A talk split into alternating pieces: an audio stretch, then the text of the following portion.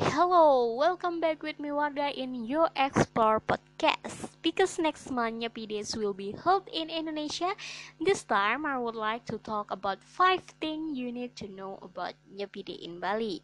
Hmm, and the first is the meaning of Nyepi.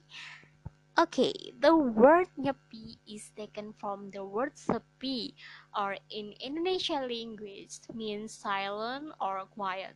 As the name suggests, the day of Nyepi will be very quiet. And the second is Nyepi Days is a new year for the Balinese Hindu.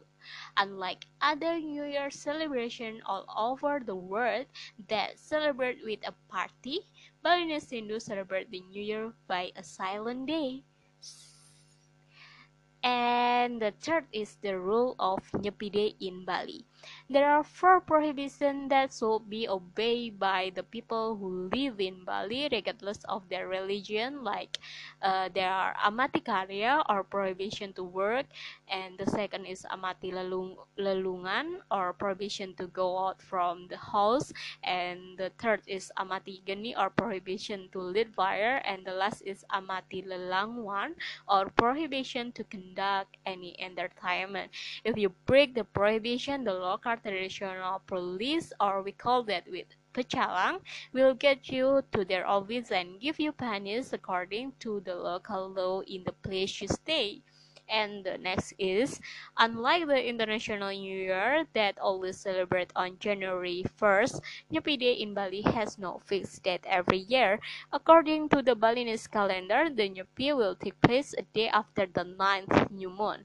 The Balinese calendar system is very complicated because it's combined the solar month and lunar month. So there will be an adjustment every several years. So there will be one extra month added to the calendar.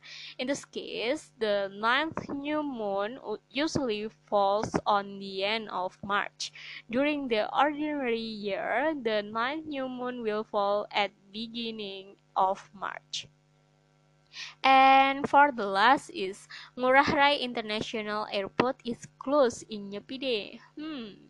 No flight departed from Bali or landed in Ngurah Rai International Airport in Nyepi. Not only Ngurah Rai International Airport is closed, but the aerial space of Bali is also closed. Beside the closed airport, there is no check-in or check-out in any hotel in Bali. There will be no traffic, uh, traffic and the road will be empty. Only in a case of emergency, someone can use their vehicle to the nearest hospital and they will be accompanied by the local pecalang to reach the hospital. Okay, that's all the things you need to know about Nyepi Day in Bali, Indonesia. See you in the next episode. Goodbye.